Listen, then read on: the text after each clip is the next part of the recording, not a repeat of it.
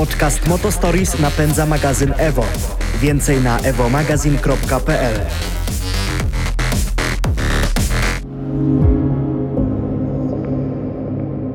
Samochody są integralną częścią naszego życia. Nie tylko nam służą, ale również, a może przede wszystkim nas fascynują. Historie z nimi związane zdają się nie mieć końca. Dlatego postanowiliśmy wybrać te najlepsze i się nimi z Wami podzielić. Krótko, merytorycznie i ciekawie.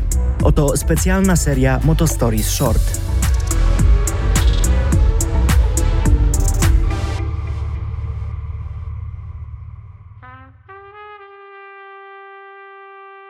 Pamięć mięśniowa to ciekawa rzecz. Ostatni raz jeździłem Zondą F w 2013 roku, gdy udało nam się zebrać w jednym miejscu prawdopodobnie najlepszy zestaw analogowych supersamochodów, jaki widział świat. Były wśród nich Ferrari F40, F50, Porsche Carrera GT i prototypowy McLaren F1.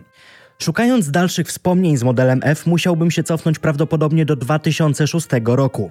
Mimo to intuicyjnie wiem, że trzeba mocno przekręcić metalowy uchwyt kluczyka i przytrzymać go kilka sekund, aż rozrusznik ożywi V12 o pojemności 7,3 litra.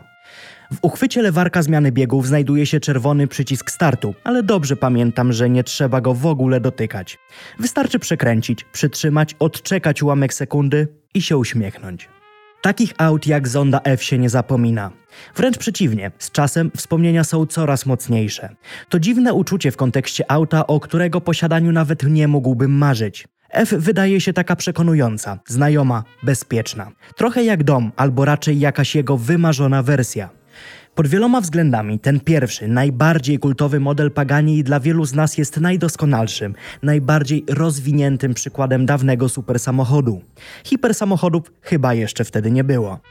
Zonda pojawiła się w bardzo specyficznym momencie. Mogła korzystać z najnowocześniejszej technologii produkcji i jak najbardziej współczesnej inżynierii, ale rdzeniem, wokół którego zbudowano ten samochód, jest mechanika, a nie algorytmy, aktywne systemy i elektronika dająca efekt pozornego opanowania. Zonda wyznaczyła szczyt ery, którą dziś możemy nazwać analogową. Prawdę mówiąc, tym samochodem jeździ się bardzo łatwo. Denerwuje się tylko dlatego, że ten konkretny egzemplarz to jedna z 25 sztuk i jest prywatnym autem Horacio Paganiego. Obecnie jej wartość szacuje się na 7 milionów euro. Jeśli uważasz, że super samochód powinien być brutalny, nieprzyjazny, przerażający lub zwyczajnie nieporęczny, Zonda nie jest dla ciebie. Mocno przeszklona okrągła kabina zapewnia nadzwyczajną widoczność, a zamontowane na długich, organicznie ukształtowanych nóżkach lusterka są tak samo piękne jak praktyczne. Połączenie potężnego 600-konnego V12 od Mercedesa i wyrafinowanej pracy zawieszenia sprawia, że z tym samochodem nie trzeba walczyć. Sprzęgło i układ kierowniczy pracują dość ciężko, przez co jazda zondą to doświadczenie czysto fizyczne, choć nie pozbawione unikalnej intuicyjności i harmonii. Między pracą kierowcy a reakcjami auta istnieje czysta synergia, więc kierujący jest w stanie poczuć pełną integrację z samochodem. Podróżowanie pomiędzy włoskimi wioskami z wąskimi, długimi i prostymi drogami, będąc pozdrawianym przez mijanych przechodniów, to bardzo przyjemny sposób spędzania czasu. Nie ma zbyt wiele miejsca na mocne wciśnięcie gazu, ale techniczny, niemal płynny maszynowy dźwięk V12 i sposób, w jaki ten silnik potrafi ponieść lekką zondę na fali mocy, nie przystaje do realiów tego świata, za to sprawia mnóstwo radości. Osiągi nie są tak szaleńcze jak w nowoczesnym supersamochodzie rodzaju Ferrari SF90, ale zonda plasuje się idealnie między zadowoleniem a przerażeniem.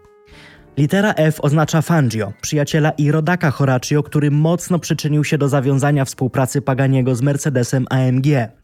Noszący tę literę model to prawdopodobnie najlepsza zonda wśród zond. Pierwsza wersja C12 została zaprezentowana w 1999 roku podczas targów w Genewie, gdzie aura otaczająca nowo powstałą markę oraz jakość pokazywanego auta zwróciły uwagę świata na ten osobliwy pojazd. Wydawało się, że jest to coś wartego zainteresowania. Projekt, który nie zniknie tak szybko jak dziesiątki innych ambitnych supersamochodów prezentowanych na każdej edycji tego niegdyś największego salonu świata. Jednak wczesna Zonda C12 była tylko wstępem, a prawdziwe marzenia miały dopiero nadejść. W 2005 roku zadebiutowała Zonda F. Model ten wyposażono w nadwozie z innych splotów włókna węglowego, ramy pomocnicze i podkręcony silnik. Modyfikacje objęły układ dolotowy i wydechowy oraz udało się podnieść limit obrotów dzięki zastosowaniu tytanowych korbowodów i, wielu innych mniejszych poprawek. Masę ograniczono także za pomocą karbonowo-ceramicznych hamulców i lekkich wahaczy zawieszenia w połączeniu z całkowicie zmienioną geometrią. Jedna rzecz pozostała bez zmian. Jedyną dostępną skrzynią biegów był sześciobiegowy manual. Kolejne wersje Zond stawały się coraz bardziej ekstremalne, być może ze szkodą dla pierwotnej koncepcji auta typowo drogowego, stworzonego w stylu McLarena F1, choć z bardziej latynoskim podejściem do estetyki.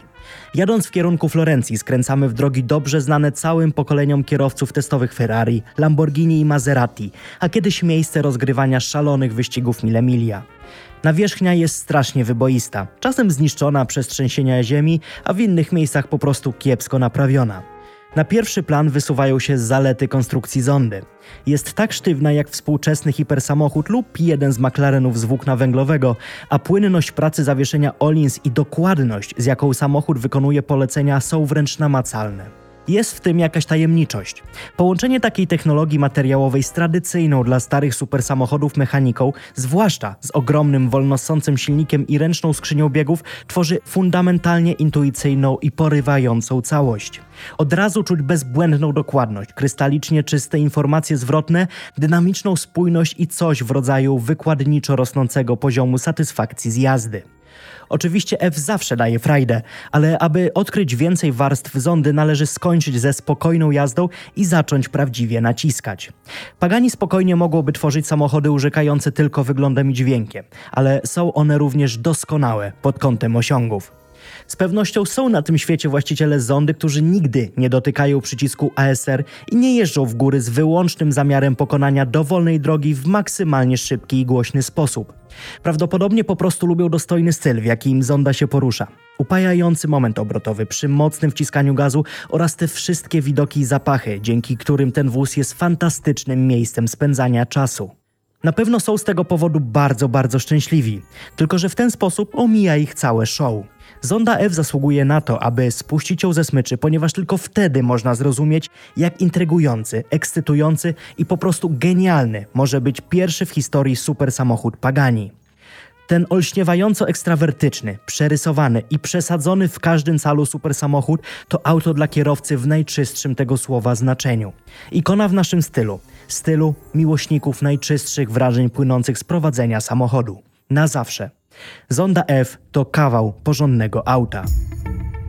O takich i innych ciekawych tematach ze świata wyjątkowej motoryzacji przeczytasz na evomagazine.pl i w dwumiesięczniku Evo. Tymczasem dziękujemy, że byłeś z Motostories do końca. Nie zapomnij ocenić nas na Spotify, wystawić ocenę w Apple Podcast i polecić nas swoim znajomym. Podcast Motostories napędza magazyn Evo. Więcej na evomagazine.pl